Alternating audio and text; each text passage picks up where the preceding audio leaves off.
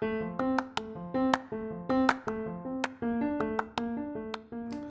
selamat malam. Uh, pendengar radio hipster kali ini. Pada kesempatan kali ini uh, gue bakal membuat konten yang sedikit ringan dan gak terlalu berat. Yang utamanya adalah mengenai profesi bagi seorang graphic designer gitu. Uh, di sebelah gue sekarang telah hadir seorang graphic designer yang uh, pengalaman kerjanya udah cukup lumayan di agensi corporate nah beberapa kenalkan namanya. Halo halo siapa bang Halo, nama saya Akbar, 26 tahun, masih single.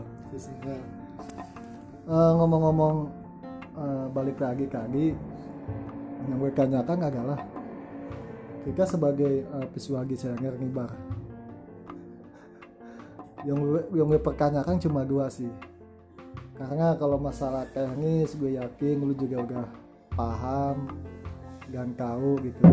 Ini ke ini cuma masalah estetis aja sih. Jadi lebih ke individualis. Jadi lu sebagai seorang visual designer kalau lu disuruh suruh milih antara estetika sama fungsi lu lebih mengutamakan mana gitu menurut lu bar gimana Hmm, pertanyaannya cukup sulit ya, anjir. Kalau ditanyakan et- estetis sama fungsi sih menurut gue tetap fungsi paling utama sih. Ya buat apa lu karya cuman bikin keren tapi you can't deliver your design gitu. Tujuan akhir lu ngedesain apa? How to communicate kan, bukan how to make your apa ya?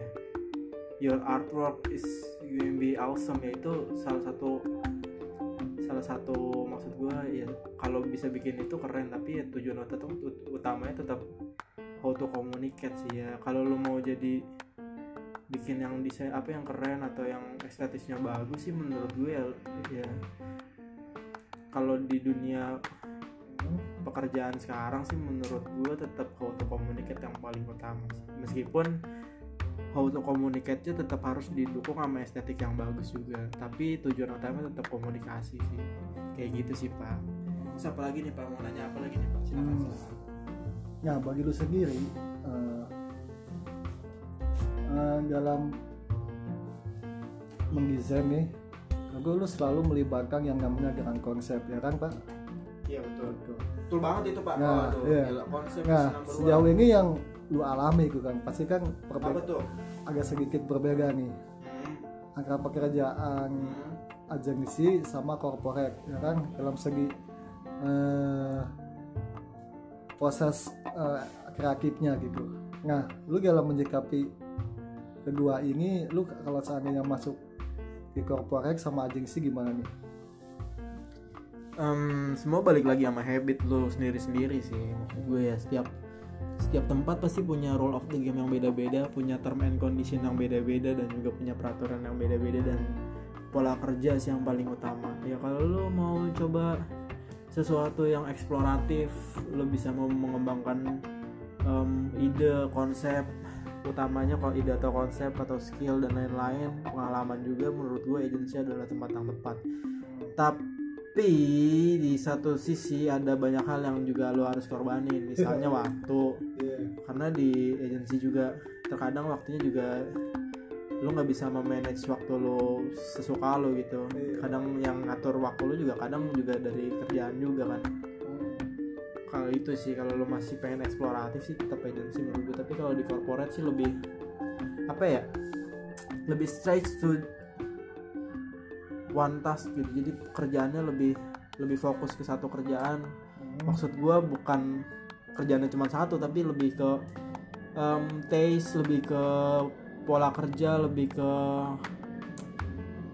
uh, output yang dihasilin nggak terlalu banyak eksploratif. Jadi lo mungkin kerjanya ag- agak lebih monoton uh, itu itu bukan itu itu aja sih. Maksud gue dengan style yang sama dengan pola yang sama tapi uh, tapi dengan pola waktu atau pola kerja yang jauh bisa lebih dimaafkan aja dimaafkan sih tapi menurut gua kalau desain sih tetap aja orang kreatif sih lembur sih nggak jauh-jauh dari lembur sih tapi iya men Iya. lu mau di mana mana juga pasti nggak bakal ngadepin gitu bakal ya. ngadepin lembur tapi gimana lembur itu tuh tetap apa ya mendukung kinerja lu sih jangan sampai banyak lemburan tuh malah jadi menghambat nah ini kadang menurut gua setiap kantor misalnya agensi sama corporate tuh treatment terhadap hal kayak gini tuh jauh amat berbeda sih.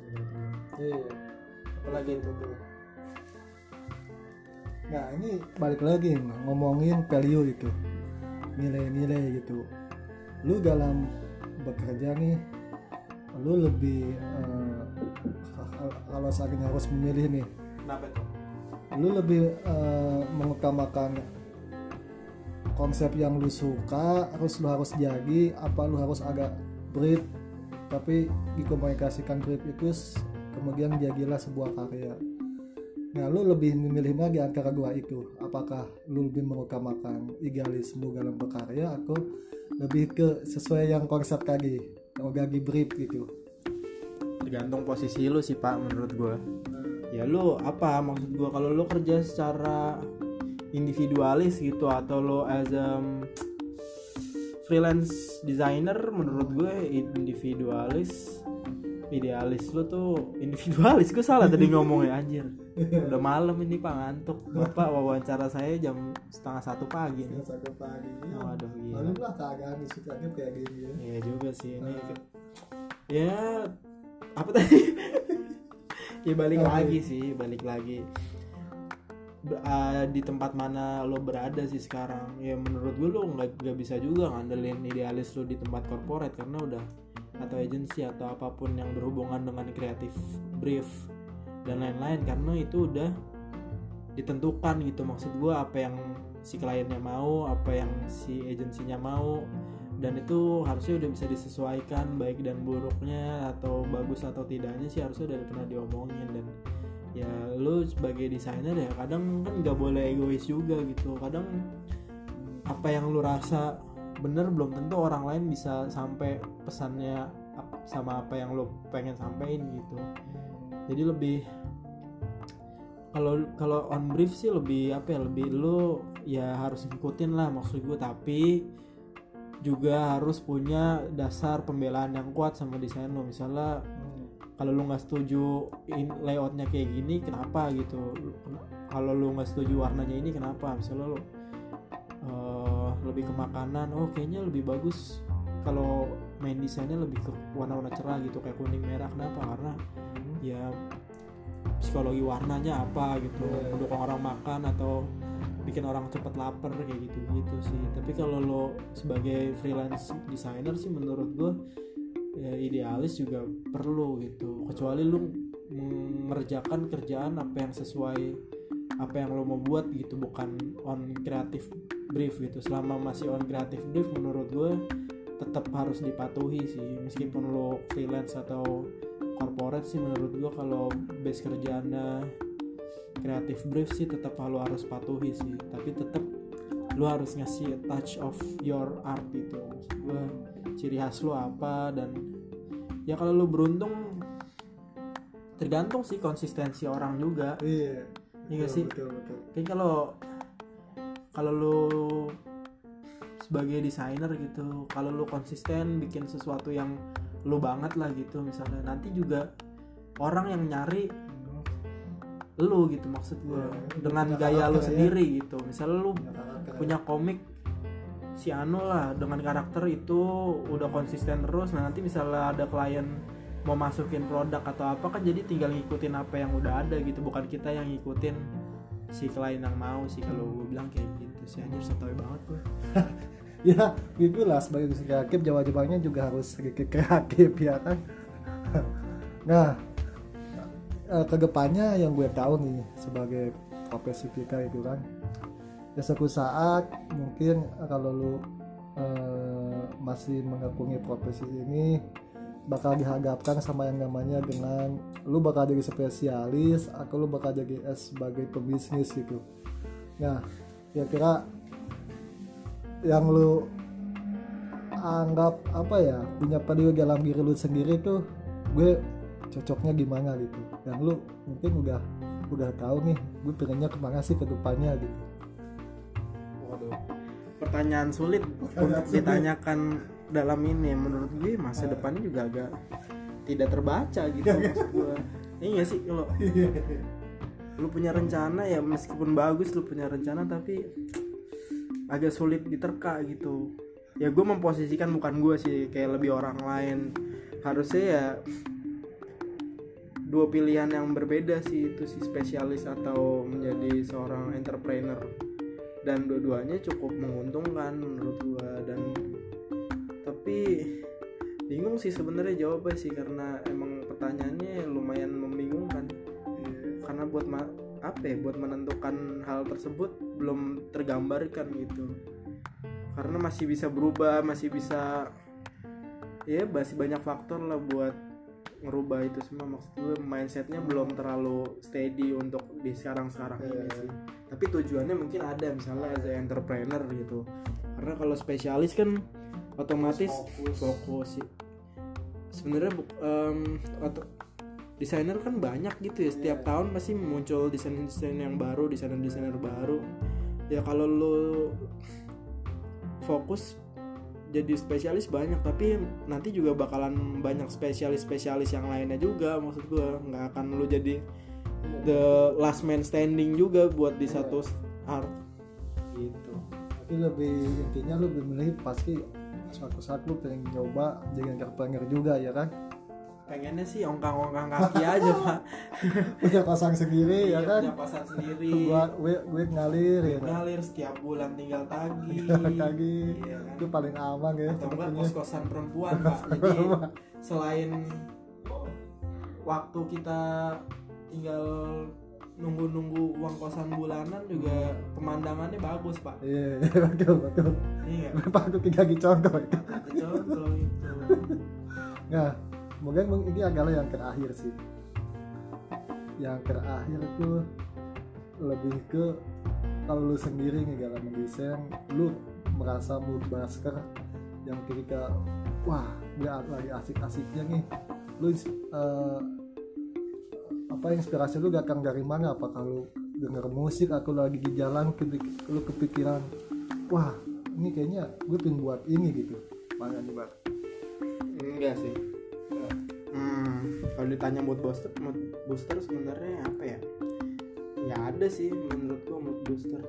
Ya kalau gue misalnya kerja desain ya sama bikin sesuatu ya gue berusaha mencari 10 referensi yang bikin kira-kira gue akan buat apa nanti gue akan combine jadi satu konsep yang baru gitu. Meskipun ya secara eksekusi mungkin nggak sesuai atau apa dan masih banyak kendala sih. Kalau musik sih otomatis menurut gue desain juga nggak jauh-jauh dari musik sih. Gitu tahu ya?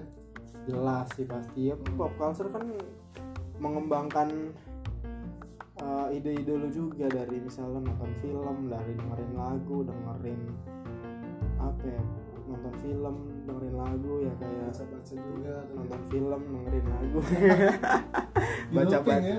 Baca ini editan tadi editan itu bukan gue mikir baca-baca buku majalah majalah desain terus nyari referensi dari internet dari YouTube juga dari dari jalan pun lo masih bisa nemuin referensi tapi menurut gua kalau di jalan ya jangan melihat spanduk spanduk partai lah. Nanti pusing pak banyak. Ini mukanya dikit kata-katanya banyak. Orang seliwaran ngelewat Iya. Curhat jadi oke eh, mungkin ini agak satu lagi sih pertanyaan saya nih. Bapak nambah mulu pertanyaan pak. Pertanyaan terakhir banget ini eh, karena gini sih bar kalau menurut gue banyak orang yang ngerasa belajar desain tuh lagi dapetin dari kampus sepenuhnya gitu. Ya kan? Kayak ya lu intinya setelah lulus kuliah ya udah lu nyari tahu sendiri kan. Lu bakal ngedapetin kalau di kampus ya cuma teori gitu gitu yang menyikapi hal ini menurut pendidikan Indonesia tentang desain ini gimana sih? Cukup bagus. Makasih. Mau pertanyaannya mau panjang-panjang gitu emang harus ya Iya. aduh. Satu last last question. last statement aja ya gitulah. Apa sih PHP gak sih menurut lu? Hmm, enggak sih. Ya enggak sih menurut gue bukan PHP sih ya. Namanya kuliah lu belajar dasar misalnya bentuk-bentuk cara desain cara pola pandang pola pandang Desain pola ya? pikir. Design thinking sih Iya. yang- ngebedain dulu sama yang lain. Terus belajar how to communicate your design. Maksudnya how to communicate your design bukan cuman kayak desain lu tuh nyampe pesan tapi lu bisa mendevelop de- develop secara uh, verbal desain lu tuh kayak apa bisa lu mempresentasikan dalam bentuk kayak gitu. Jadi kuliah sih diajarin nah tinggal praktek di lapangannya kan pasti otomatis berbeda dan bukan otomatis berbeda sih maksud gue sebenarnya gak jauh beda cuman kalau lihat terlalu apa ya ya terlalu kaget aja sih menurut gue ternyata emang keras banget sih maksud gue dunia kreatif juga cukup keras dalam hal persaingan dalam hal cara kerja pola kerja sih pasti beda sama kuliah sih. Tapi kuliah ska apa jurus kuliah tuh penting lah menurut gue jadi kuliah tuh penting. Itulah. Apa sih? Gak jelas gue udah malu-malu gini nih. Ya kuliah penting sih. Itulah ngebedain lu sebagai desainer yang kuliah atau yang enggak ya. Gimana cara lu uh, berpandangan terhadap desain terus berpandangan terhadap estetika yang bagus berpandangan terhadap komunikasi desain yang bagus berpandangan terhadap efisiensi layout berpandangan terhadap bagaimana semua tuh tepat pada proporsinya dan bagaimana cara kita mengimplementasikan dari apa yang kita mau bisa di develop ke orang lain. Gitu sih anjir. Panjang banget pembahasannya. Oke, oke penjelasannya cukup ringkas dan padat. Eh, dan gue rasa podcast bahas yang kali ini. Udah nih. Gue bahas segini aja lah, Mbak. Karena ini udah udah mau jam 2 nih, gak waktunya kayak kecabut ya. cuma 15 menit. 15 menit gak usah panjang-panjang karena ini gue yakin eh, yang penting kontennya Kena lah, iya bermanfaat nggak bermanfaat. Dan mungkin eh, bahasan kali ini sudah segini aja Giraga Hipster. Eh, ke depannya mungkin gue bakal bahas eh, hal yang lebih bermanfaat lagi terima kasih buat Bro Akbar dia udah Sempat- sempatnya di- nih. jangan lupa nanti disukakan. abis ini kita makan nih oh iya siap siap oke bisa jangan aja lupa ya juga dengerin podcast Dengerin podcast. di Bare Berkokok Bare bisa di Berkokok. apply dari uh, Spotify udah di Google Podcast udah Ya. ada terus di Anchor juga Oke. udah ada Oke, sedikit saja teman-teman eh, rupanya ya mungkin Assalamualaikum. Waalaikumsalam Halo, selamat malam teman-teman di Radio Hipsker. Agisi hari Kamis tanggal 4 Februari 2019. Kali ini eh, gue akan sedikit mereview eh, tentang siklus garing atau biasa yang disebut dengan siklus eh, blogging eh, yang sangat anti mainstream kalau menurut gue karena hanya beberapa orang saja yang membuat konten di sini. Dan hanya orang-orang eh, yang tahu saja bahwa konten ini adalah konten yang bagus dan perlu sebenarnya kalian pahami bahwa beberapa konten di medium ini adalah sebuah konten yang berisi orang-orang yang pemikirannya sangat bagus terutama tentang dunia digital kalian bisa menemukan banyak tutorial cara apa pun. Di sini telah lengkap. Ada konten yang berisi tentang eh, cerita kehidupan juga ada. Kalian bisa memilih. Dan konon katanya eh, medium ini dibuat eh, oleh owner dari Twitter juga jadi eh, bersama temannya membuat konten medium yang menurut gue eh, tampilannya ini sangat sederhana tapi syarat akan makna. Dan yang menarik dari medium ini sendiri bagi gue adalah eh, orang-orang yang berada dalam konten medium. Setelah gue simak belakangan ini dan ke, eh, gue sendiri menggunakan eh, medium ini udah setahun dan awalnya emang gue sempat punya Tumblr juga dan uh, Tumblr udah ditutup kemudian menemukan uh, tempat garing ini. Yang paling cocok buat gue menulis adalah di Medium. Dan kontennya uh, kurang lebih anti mainstream yang gue temuin sama kayak Tumblr jadi ini adalah suatu hal yang menurut gue uh, sungguh mengasihkan sih. Gue bisa berkumpul dengan orang-orang yang satu frekuensi dengan gue yang yang orang-orang yang suka menulis yang bercerita gitu. Karena gue percaya bahwa dalam hidup ini kita harus membuat karya dan apa yang bakal lo tinggalin itu ya sebuah karya harusnya ya. Ya kalau menurut gue menulis menulislah gitu. Menulislah selama lo emang agak unggak-unggak dalam kepala lu dan apa pun itu ya lu tuangin gitu. Baik secara tulisan maupun secara visual gitu. Ya gue nggak tahu impactnya bakalan bagus atau gimana. Syukur-syukur bakalan menginspirasi tapi ya lakuin aja gitu apa yang lu suka. Yang akan menjadi hobi lu sendiri dan itu cukup mengasihkan gitu. Ya sebelumnya uh, konon kakaknya uh, Presiden Barack Obama juga sempat membuat konten di sini di medium ini sendiri. Dan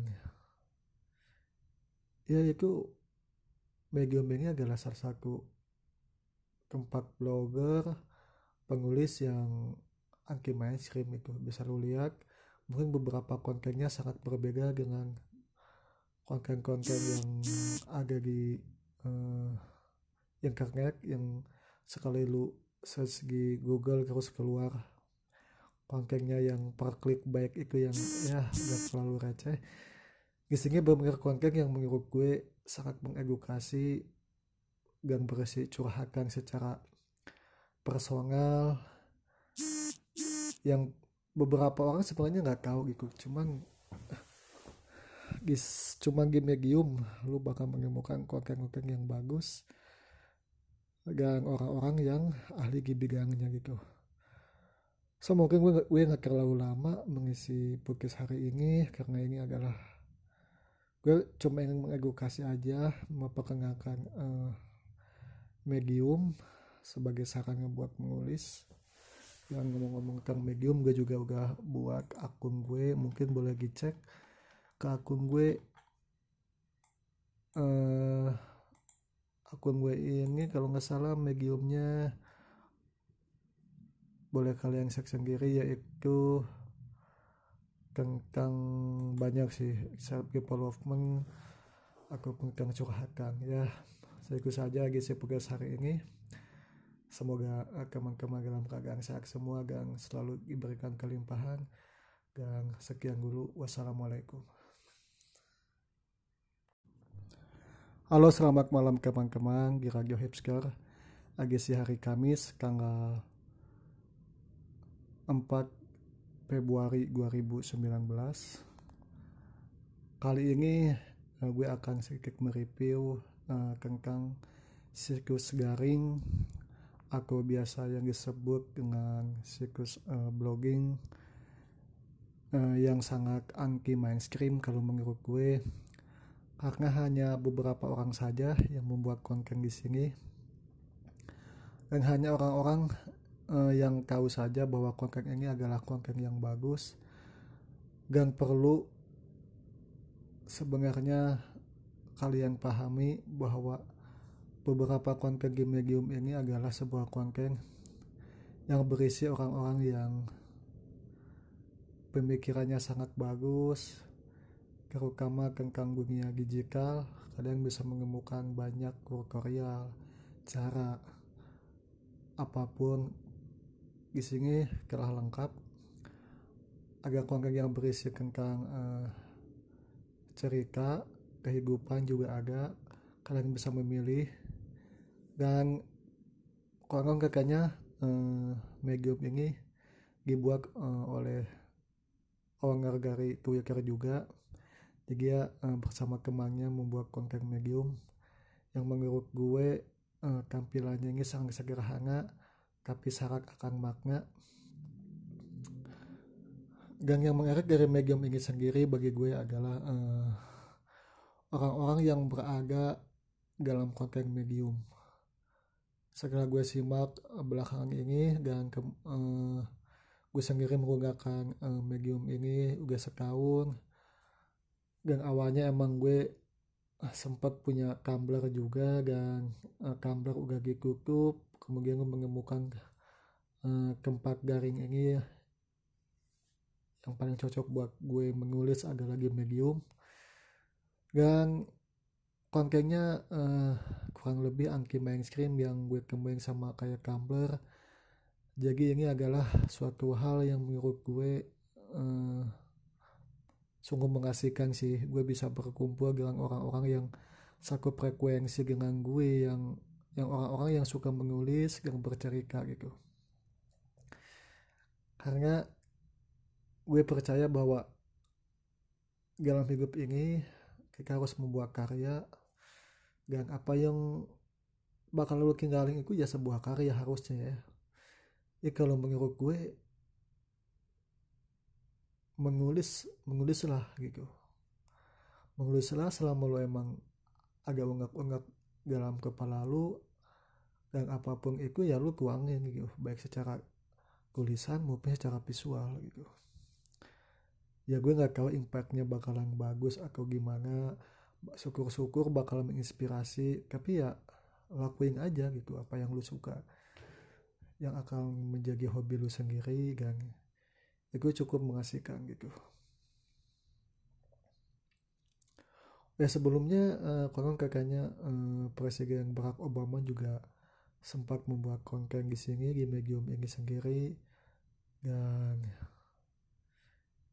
ya itu medium ini adalah salah satu tempat blogger penulis yang anti mainstream itu. Bisa lu lihat mungkin beberapa kontennya sangat berbeda dengan konten-konten yang ada di uh, internet yang sekali lu search di Google terus keluar kontennya yang per klik baik itu yang ya udah terlalu receh. Isinya benar konten yang menurut gue sangat mengedukasi dan berisi curhatan secara personal. Yang beberapa orang sebenarnya nggak tahu gitu cuman gis cuma di medium lu bakal menemukan konten-konten yang bagus dan orang-orang yang ahli di bidangnya gitu. So mungkin gue, gue gak terlalu lama mengisi podcast hari ini karena ini adalah gue cuma ingin mengedukasi aja memperkenalkan uh, medium sebagai sarannya buat menulis. Yang ngomong-ngomong tentang medium gue juga udah buat akun gue. Mungkin boleh dicek ke akun gue uh, akun gue ini kalau nggak salah mediumnya boleh kalian cek sendiri yaitu tentang banyak sih self development aku tentang curhatan. Ya saya ikut saja GC Pugas hari ini. Semoga teman-teman dalam keadaan sehat semua dan selalu diberikan kelimpahan. Dan sekian dulu. Wassalamualaikum